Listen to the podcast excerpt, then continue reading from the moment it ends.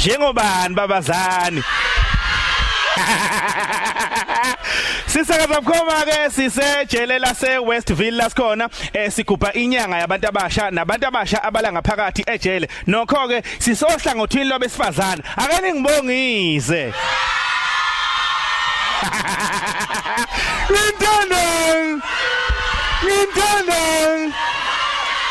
Nazo kumlandi ngendlela mangalisayo bakhona ke besifazane la hey bahle bahle bahle bahle. Ake nishayile nihlomba ake nishayile ihlomba ake nishayile ihlomba Ake nishayile ihlomba njengoba ubezwa nje ke emlalelo khozi eh bakhona ke bathe shaye. Namhlanje kodwa ke sizuke sigcile nje kwabesifazane eh abakhona ke la ngaphakathi eh ejele. Nokuyintsha ongajwayelekile ukuthi ikhulunywe nayo nokuyintsha ongajwayelekile ukuthi ikhunjulwe. Njengamanje ke sinomphathi eh wejele lapha ke ohlangothini labesifazane eh untomfuthi Mkhize. Intokazi lapha na ke othi ngathi sikubingelele gubhela sikwamukele khozi FM Ngibingelele tjatha kubalaleli kuzo zonke indawo ngiyabingelela kakhulu. Namhlanje eh, isidlo sasekuseni ukhozi FM bathe abazogubha nani eh, inyanga yabantu abasha eh, sibagqugquzela sibakhuthaza ekutheni nako babe ngaphakathi ejele umphakathi awubakhohliwe. Eh ningabaphathi bejele nizizwa kanjani ngalokho? Sibonge kakhulu uh, Jathani khona la eh esikhungweni sokuhlumelelisa izimilo nanokuthi nje nathi sila ngaphakathi siyakhunjulwa singumphathi wangaphakathi niyeke zonke inhlelo zene beyibalekile kakhulu nizohlanganyela kanye nathi si dlulisa ukubonga kakhulu. Hmm, siyabonga kakhulu. Mhlambe njengamanje ngiyazi abantu abasha abaningi balalele eh ngaphandle abanye uthola ukuthi bayabandakanya nezenze engalungile ezingagcina zibaholele ekuthenini bafike la. Ungathini mhlawumbe njengomphathi?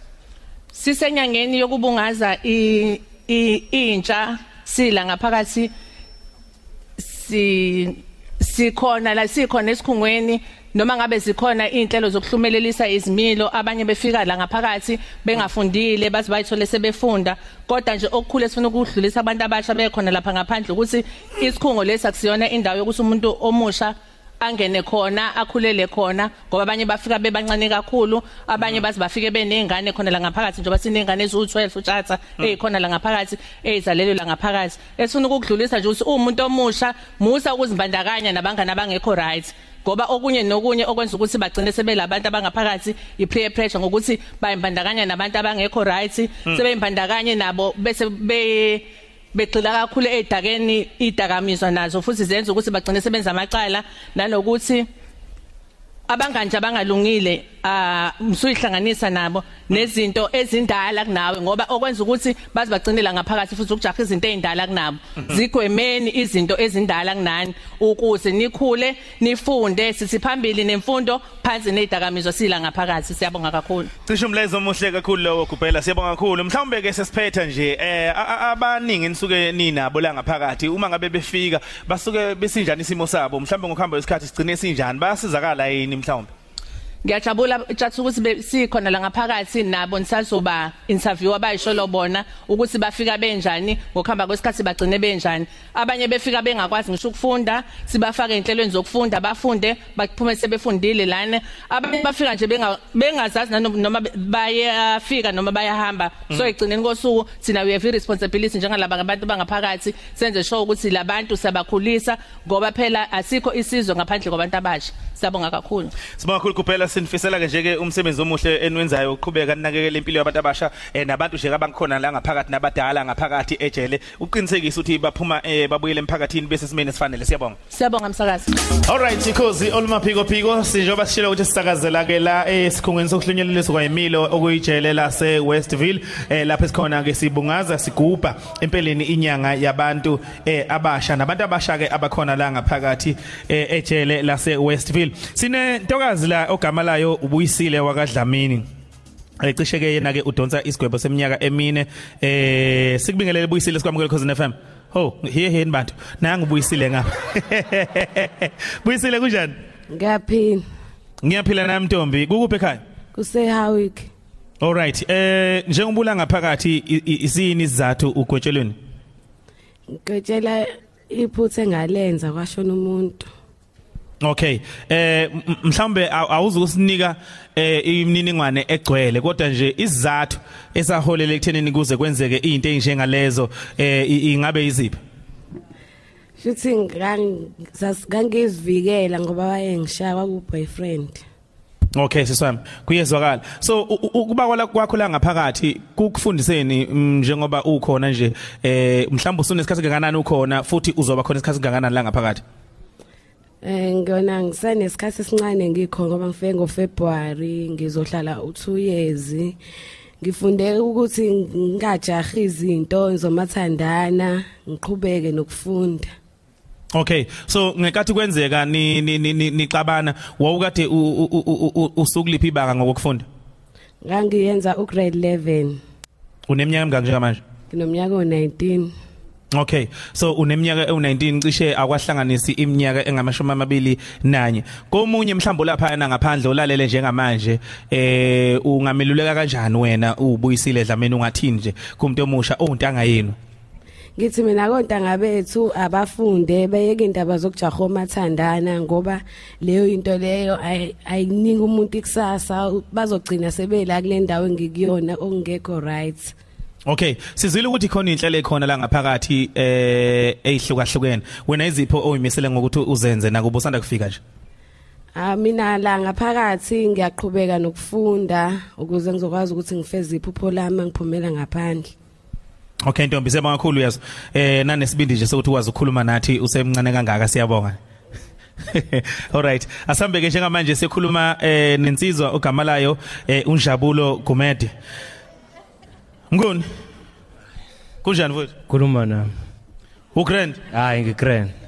Eh i- isiphi izathu esiholele ekuthenini ube la ngaphakathi? Oh mina ngiboshelwe i-rape i-house breaking i-car theft ne-robbery. Okay e- ekhaya kuphi futhi ekhaya kusemlazi kwayo. Uneminyaka emingaki njengamanje? Neminyaka u-25 Alright. Em a- abantu abasha behlelwa izinto ezihlukahlukene ngenxa yenqumo abayithatha ephileni. Kwesinye isikhathi umzimba bempilo abanye bubenza bagcine sebefuna inqamlelayo zokuphila. Eh kanti zizoholela ekuthenini babhekane nemphumela njengale njengoba nawo la ngaphakathi. Y- yini mhlawumbe ongathi uyifundile eh ku- ku- ku- kulesi senzo sakho nanokuthi uzogcina uthola ukuthi ugwetshwe manje? First in life kumele wazi ukuthi ubani ufunani uyaphi empilweni? Ngiboshwe at the age of 16 it was 2010 and ngaleso sikhathi bengingazazi ukuthi nguba ngiyaphi ngifunani? I was raised by a single parents okuyinto eyagcina inomthelela kuzona zonke izinto ebezenzeka empilweni. Lokho kugcine ngizalo usilindile evidence wagumede. Ekuyena umama kube ngikhulise zami ngisupporta ngayo yonke indlela and then ngabukela kubantu abarong empilweni which ekwenze ngathi ngagcina sengilitheleka la ngaphakathi Mm, Ngiyezwakala mntaka baba. M- Mhlawumbe uh, njengoba uthi ube- ubukele kubantu abarong empilweni, ingabe abanganini aba- abagcine bekwenza nawe ugcine usubona hayi mase ngabe siphila lempilo madoda sokwazi ukuthi sikwazi ukusheshshe sithole ucash eh njalo njalo. yes abangani nama role model if umuntu ohlala emlazi abantu obukela kubona kuba in most cases igebengu ekwabantu abasebenza into ezwrong ufisa ukufana nobhuti sibongiseni okuyena uthola ukuthi ngakini unemoto unemali kodwa akafundile at the same time akasebenzi. Ongazi ukuthi imali uyithatha kanjani and then ugcina usujoin amagenge a-wrong and then ugcina u-end up usukule ndawo engikuyona. Yo, kuyezwakala mfowethu. So ufikela uneminyaka eyishumi nesithupha nje ubushilo. Ukukhulele ejele kunjani njengoba manje cishe uneminyaka ewu25. Eh ukuthole kunjani mfowethu? Kufike ku- kube njani kunjani manje njalo njalo. Bupho umzima obukhona njalo njalo sixoxele nje. Ey it's hard kunzima ukuba sejele and futhi okuyinto engekho lula if ukule age engifike ngikuyona ngoba at the same time ngimpofu ngebala abanye abantu ejele they take that advantage ukuthi hawe umfana umpofu decent death usayingane futhi baze bagcine becabanga izinto ezwrong ngoba ejele kunabantu abahlukene aba-apply izinto ey'ngafani siqhamuka from different background nama-environment esiqhamuka kona asikhuliswanga ngendlela efanayo. Kunomunye umuntu ozothi uma ekubuka akubuka akujaji and then it's where you start uqala ujoyina lezi zinto zasejele which is wrong engingafisi ukuthi ngilobe ngiya into details ngazo ngoba akuzona izinto eziyimpilo azisani futhi phambili. No mfowethu kuyezwakala. Njengamanje ama out emalokishini eindaweni zasemakhaya balalele. Abanye uthola ukuthi basuka emakhaya bekade bekonongoma komtuba tuba eh komanguze ko Newcastle bengahlangene nendaba yokuphila impilo eh, yobugebengu. Kodwa bafika eThekwini bayifuna imisebenzi abayithule hayi zithi insizwe emahostel ezinye hey lalela baba siyaphila thina la nakhe sikwenzayo. Njalo njalo. Emalokishini nje obushila abafana bahamba isikole kodwa manje khona abantu abanezinto ababukela kubona. Ungathini brazo? U- umlayezo nje onga- ongawudlulisela kubona? Umyalezo engawudlulisela kubona ngathi bafowethu impilo iyaphileka. Into edingekayo uma umuntu ukuthi ubekezele. Uzazi ukuthi ufunani empilweni. Wenzani? Mase wazi ukuthi kune kunezinto ezu3 engihlezi ngiyibeka emqondweni ukuthi okuqala uba ufunani wenzani? At the same time yonke into oyenzayo ingawe. Yonke into oyenzayo isuka kuwena ngaphakathi ngoba if ngithi mina manje ngiyaphuma manje ngiyoqhubeka la ngigcine khona. Imina futhi ozoba senkingeni. Imina futhi engizophindela futhi ngibuyele la ngaphakathi la ngikhona. Mhlawumbe omunye uzothi hayi no thina sesineminyaka siwuphusha umshikashika siyaphunyuka singophunyuka bemphethe asibanjwa thina. Ya ukuphunyuka bakhona bayaphunyuka but ekugcineni there is this thing that is called justice. You cannot run away from justice. Ungaphuma ungaphunyuka namhlanje but kusasa wazi kuzokwenzekana. Phakathi wayo. Siyabonga kakhulu umntaka baba. Eh nesibindi nje sokukhuluma nathi siyabonga. Zikushayela ihlombe intokazi lapha. Ziyalibona leli bhuku ligezile.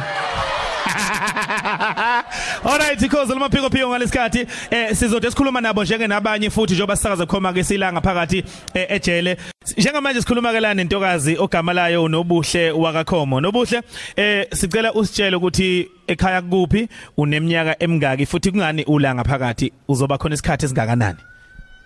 Gama lami ngunobuhle Khomo ngiqhamuka ePortshepstone ngineminyaka e18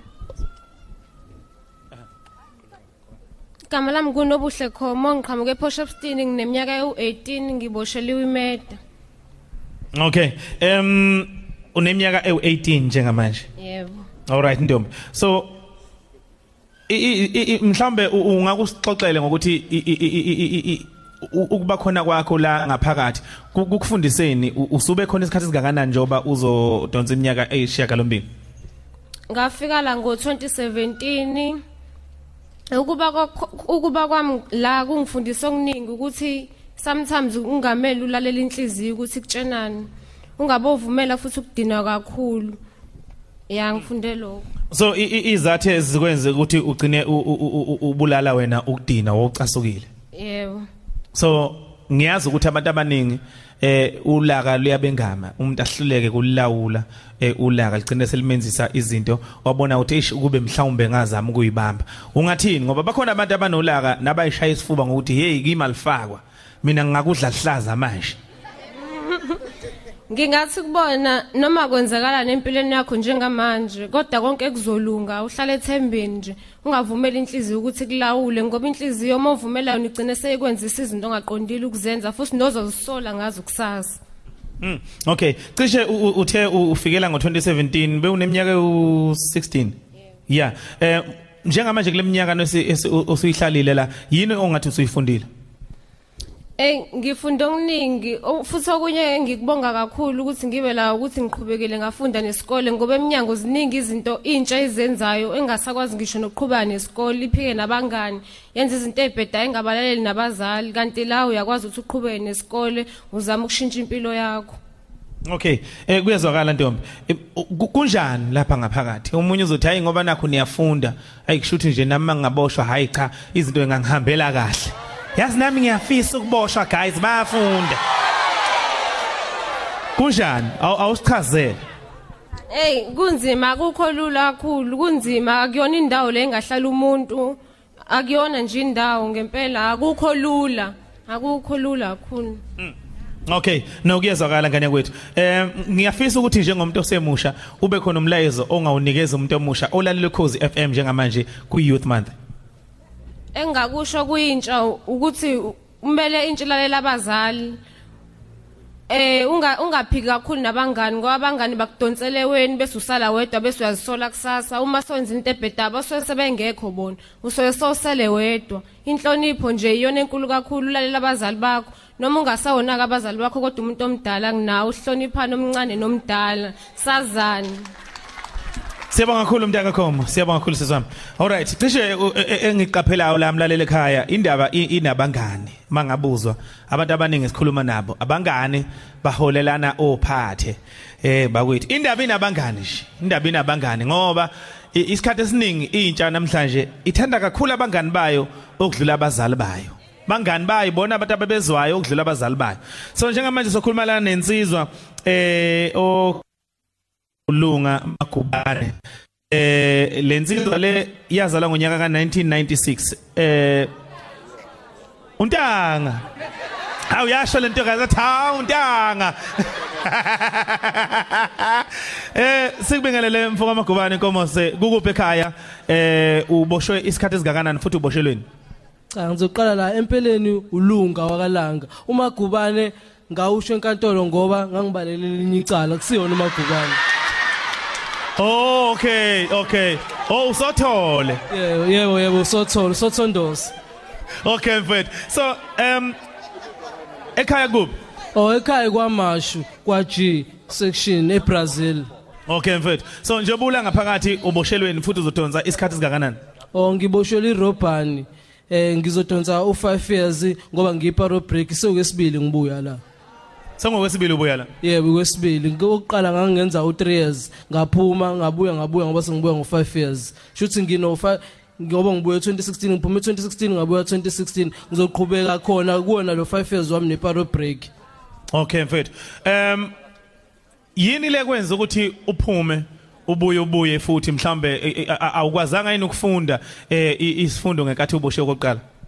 No ngeke ngisho kanjalo ngikwazile ukufunda ukuthi situation engibuyele kuyona ade ngiphuma kuyona vele eh ekhaya kusukela ekhaya nje eqaleni kwayo into engingayisho kakhulu ukuthi abazali bane bane kumele babe nerole ekhuliseni ingane zabo ukungabi khona kwabo kuya impact ukuthi thina sibuye sibuye la kule ndawo Mm. Okay. So ngamanye amazwi umzimba bempilo lapha ngaphandle bukwenze wagcina uthatha inqomo zokuthi eh ungene ebugebengweni. Yebo kunjalo nabangani ke kakhulukazi So yini bangana bayenzile ekuthenini yona ugcina usuyithola usu- usu- usu- usubamba inkunzi? oh ufethu ukwakhuluma bengasho ukuthi ilento uma ngayi-peer pressure ebanganini. Ukwakhuluma ngayo ukuthi thina most of the time esikhulele emalokishini asibukeli kwabantu aba-right sibukela kwama-role model la ahamba ngey'moto iy'gebengu la abadla ama-drugs la bantu abangasebenzi ab- a- abanezinto kodwa aba-right. Sibukela kubona kakhulukazi. Nami ngikhule kuleyo situation ngibukela ey'gebengini la bantu abangasebenzi kodwa abaney'moto abanayo banabantu abahle. Angithi yabo yonke nje le nto la Okay. Yeah, ngiyaqala. So now uma uyi out ubuka ukuthi eish nami mangangena la ngizoba grand ngibe nemali ngibamba ingane ngibe right. yebo kunjalo into e- e-wrong thina ngoba thina ingane futhi sibukela abantu besilisa kakhulu ukuba ukuba khona komzali wakho umuntu wesilisa noma engekho financially kodwa ekhona nje empilweni yakho ukuthi eh siqo sakho ukuthi mntanami ngiyakuthanda kuukuthi kuukuthi boy. Into kanjani nje nje i-wrong boy. Into kanjani nje ayenziwe ukuba khona kwakho umzali kuya impact na ukuthi ube right ungabuyi ungayenzi izinto ezibhedayo kodwa umzali mengekho uya- uya- uyakwazi ukwela noma uyakwazi ukudisiveka umuntu ulalele noma yini ayishoyo noma uba uqhamukayo kuwena. Gcina usuwenza leyo nto. Hiyo, hiyo, hiyo, hiyo. Yabona lamagama wamancane umzali ekhaya. Le out ikhuluma ngokuba khona komzali siqu sakhe. Indaba ukuthi unemali awunayo awuphila into ofonto. Mawukhona enganeni yakho yomfana uyumjita uyi out ingane ibukela kuwena uyinikeza ithemba njalo njalo. Ingakhula ibukela kuwena kunokuthi ibukele kwabanye abantu ebabona phil- phila ungcono mfethu mahle lamagama okhulumayo. Ngiyawajabulela kakhulu ngiyawabonga. Asibuye size la eh u- e- e- malana nemfundo ugcine wenze njani mhlambe nesikole Oh ngikwazile ukubuyela emfundweni ngoba ngiqale eh kwa- ku level 3 manje ngenza u grade 11 ngiya ku matric next year. Kanti futhi yebo la khona ngaphansi futhi kuhamba kahle ngoba ngiyakwazi ukwenza ukucabanga kahle ngoba ngikho kule ndawo le kuhlala khona abafethu abangafundi. Kule ndawo le engekho kakhulu igangsterism kuyona. Ngiyakwazi futhi ukucabanga nezinto eziright umqondo wami ngukhipha ungahlezi uvalelekile njengoba umzimba uvalelekile nje. Im- into esishayo kakhulu la ejele thina abafethu sinokuboshwa sivalelwe nomqondo uphinde uvaleleke kanti uma ufunda uma ufunda uyakwazi uphinde ucabanga ubeke eminyango uphinde ugijime ucabanga izinto eziright ozozenza eminyango uma ufunda mfethu u- u- u5 years imncane kakhulu. So ngamanye amazwi uzophinda uphume nje kungekudala. Ngifuna ukuthola la ukuthi mawusuphuma ke manje yini oyimisele ngayo? O into engiyimisele ngayo manje ukuthi ngihambe ngiyosebenza. Mengisebenza kodwa ngasikhathi eside ngoba khona lento i-criminal record engingayithanda ukuthi mina ngilokho ngisebenza kakhulu ngoba lezi ndawo engiyithandayo engeke ngikwazi ukungena kuzona ngifuna ukwenza ngifuna ukuba i-entrepreneur mina ukwenza something for mina ezo-sustain ukuthi ngihlezi ngithola income ungahlezi ngilindele umuntu uthi angiqashe njalo uthi angiqashe ngibheke hey ake nishaye ihlombe bafethu yazi? Yeah. Ngiyajabulela leyo ngoba vele uzothola ukuthi uma uphuma la uzothi uyazama ukuqhukuluza kuje engahlangani futhi izinto. Eh aqhamuke la ama out kudala wona be nenhlanhla ukuthi mhlawumbe akwazile ukubaleka a- acasha angaboshwa. Athe imjida lalela siyaphusha la umshika shika awufuni ukungena? Uzo- uzokwenza njani lapho? Ngoba mhlawumbe isikhathi kuzobe kuthuba mnyama mhlawumbe unyaka mhlawumbe emibili njalo njalo izinto usahlanganisa. Uzokwazi nu- ukumelana nezimo ezinjengalezo ya total ngizokwazi ukumelana nalezo. Ngoba mina ngiphuma imini kufanele ngikwazi ukubadonsa ngibatshele laba sakhula noma laba abancane noma laba abasabona ukuthi ngathi right lento ngibatshele ukuthi efethu kukanje kanje kanje kanje. Yazi nami sengiwe kakhulu ngaleyo nto isho oyenzayo noma ufuna ukuyenza noma uyicabangayo musa ukwenza kanjalo kwenziwa kanjalo kwenziwa kanje kanje kanje. Musa ukuhamba kanjalo. Siyabonga mfoka mfokalanga. Sibonga kakhulu umnteka baba. Ehe, khona ukugcina mhlawumbe ufisa ukusho. ya khona ukugcina. Ngicelile ubaba uthalalele la. Ngithanda ukumtshela ukuthi noma akade engekho kakhulu empilweni yami kodwa ngiyamthanda. Ngimthanda ukumthola manje. Ngithanda ngithanda ukuthi abangibonela yena abamtshene uvuso kwasangweni okasika masho phinde ngibingelele nomngane wami ulungele ngimthanda kakhulu. Alright, siyabonga. Vusangweni kwamasho ithi yakuthanda insizwe izalayo nakubungekho empilweni yayo kodwa nje iyakuthanda. Eh uthole nesikhathi uzuzoyibheka baba singajabula kakhulu. Mfowethu siyabonga kakhulu. Sa- ngi- mina ngumbhali wamaculo eh hip hop sacela ukusho 1 or 2 bars Lalela. Asenze kanje awuyikhahlele mfana omdala bese siyalapha kanda mfoka mseli ngicela uyikhahlele nje eh u16 bars nje ovuthayo. Okay, uh, started everything 012 years old. Mandela on my whip, bears on my gel. Catch me if you can, I go, where I live. I survive, I pursue, that's the grace of God. Watch it now, what you say, see me no more gel. I've been moving, catching, feeling to the dancing, to the tapping while you flipping. You the star, you the snap, funny now, you the snap, funny now. Sibonga sibonga. Sibonga ntanga mashik. Intingo le ulunga magubane langa. Siyabonga mntaka baba sibonga kakhulu mfethu.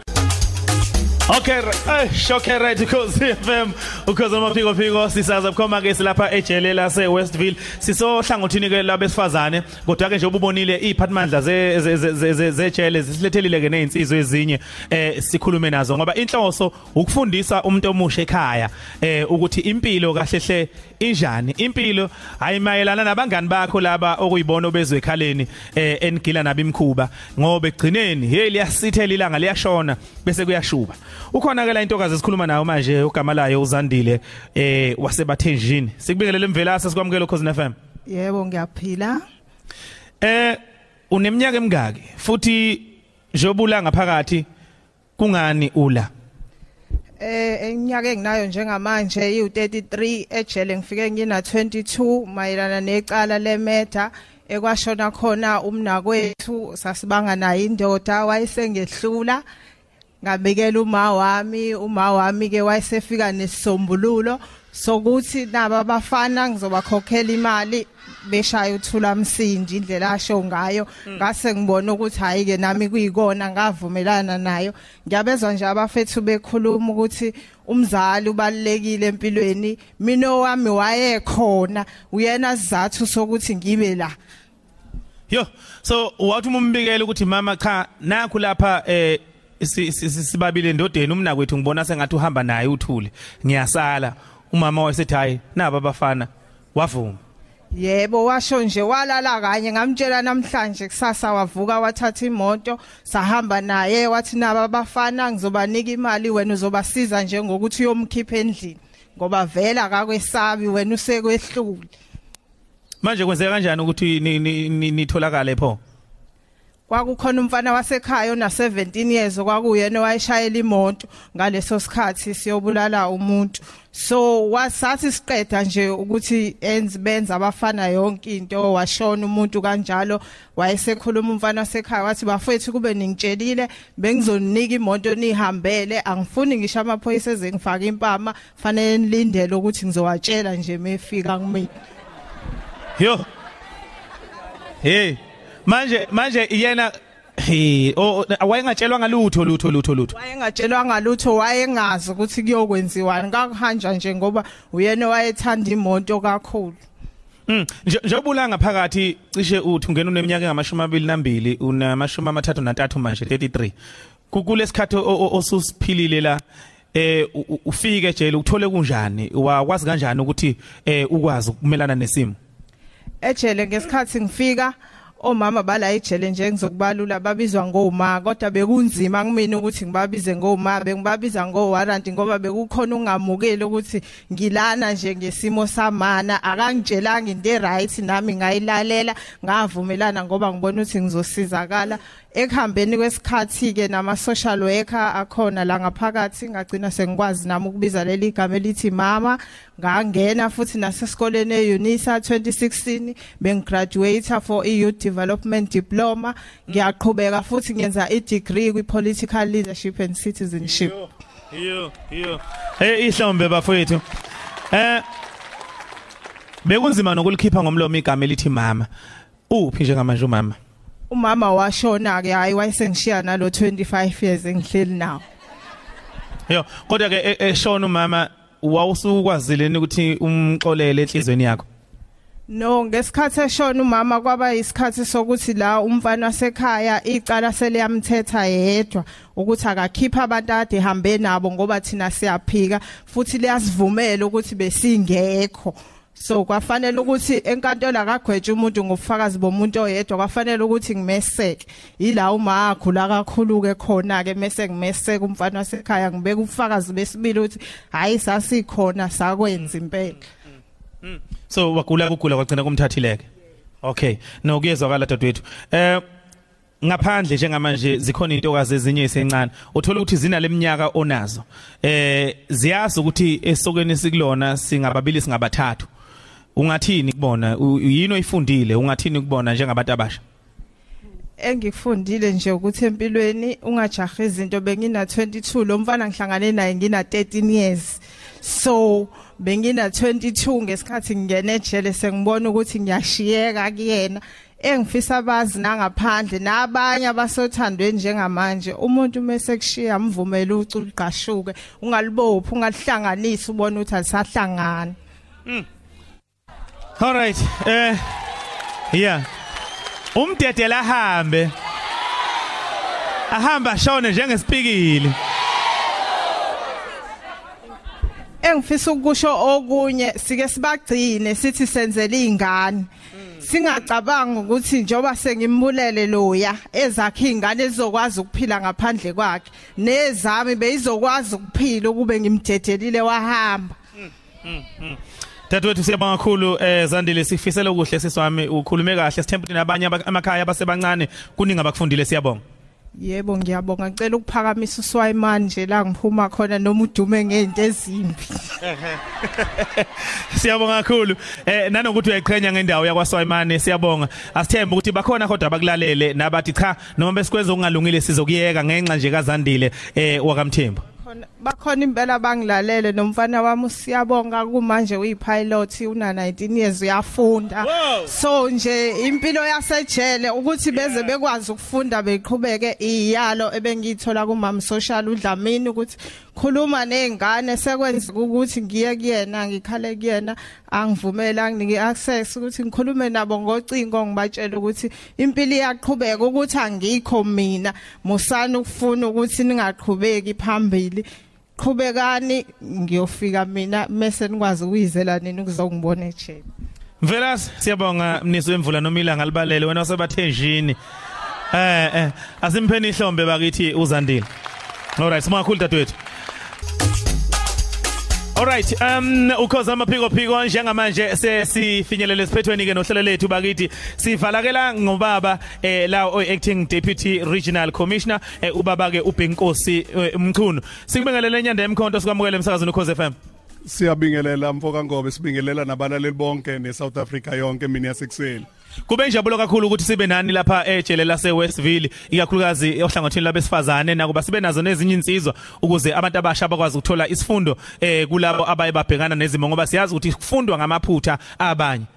Kunjalo umfoka ngobe. Sithanda ukubonga kakhulu amathuba ukhozi nemisakazo eminye enika umnyango okuhlunyeleliswa kwezimilo ukuthi umphakathi uqonde ufundiseke waziseke ukuthi kunzima kangakanani ukuhlala kulesimo nokusebenza negxala abekufanele balifake ekutheni kuhlunyeleliswe izimilo.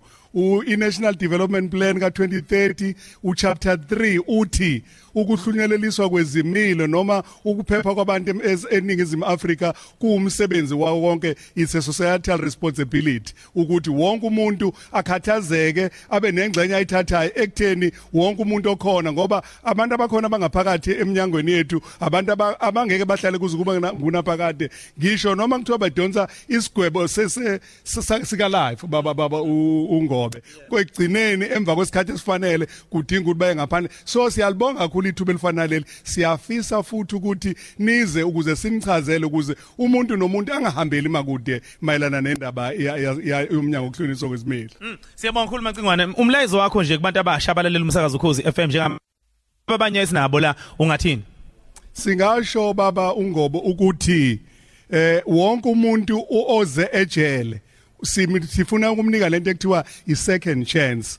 Ukuthi umuzile washeleleka wangena ejele kudinga ukuthi ngelinye ilanga uphume. Ejele ke sinezinhlelo eziningi esezichaziwe ingakho sizwile ukuthi intsha iyafundiswa. Asifuni kube khona nomuntu oyedwa oyofika ejele engakwazi ukubhala aphume engakwazi ukubhala. Ingakho sisazi ukuthi ababoshwe ba graduate ababoshwe bafundisa amakhono. Kakhulukazi lana ohlangothini lokho lakomama lakomama sifundisa ngisho nomuntu ukukwazi ukubekezelela izimo nokuthi nokuthi ubhekana kanjani nesimo sokuse ukusetshenziswa kwedakamizwa uma usungaphandle ngoba siyabona ukuthi imbangela kakhulu ukuthi umuntu ethe sengaphandle sebhekene naleso simo bese kehluleka ukuziphatha bese ebuyela ngaphakathi ejele. Asidingi umuntu ngempeleni ukuthi eze ngaphakathi ejele kodwa osezile sinalento ekuthiwa sine program which is addressing the offending behavior yomuntu nomuntu ngokuhlukahlukana kwakhe. Sine zinhlelo ezikwazi ukuthi zilekelela umuntu ngamunye ngamunye. Nyanda emkhonto eh siyabonga kakhulu baba. Eh ukhulume kahle kakhulu. Sinifisela nje ukusebenza okuhle. Niqhubeke nje nokunakekela ke impilo eh, bakithi abasuke sebe lapha ngaphakathi. Eh siyabonga kakhulu. Nganza kwethu siyayivala siyabonga siyanthanda niyezwa. Eh siyanthanda kakhulu. Engifisa ukusho ningazizwa nini nomuzwa wecala ningayilahli ngecala?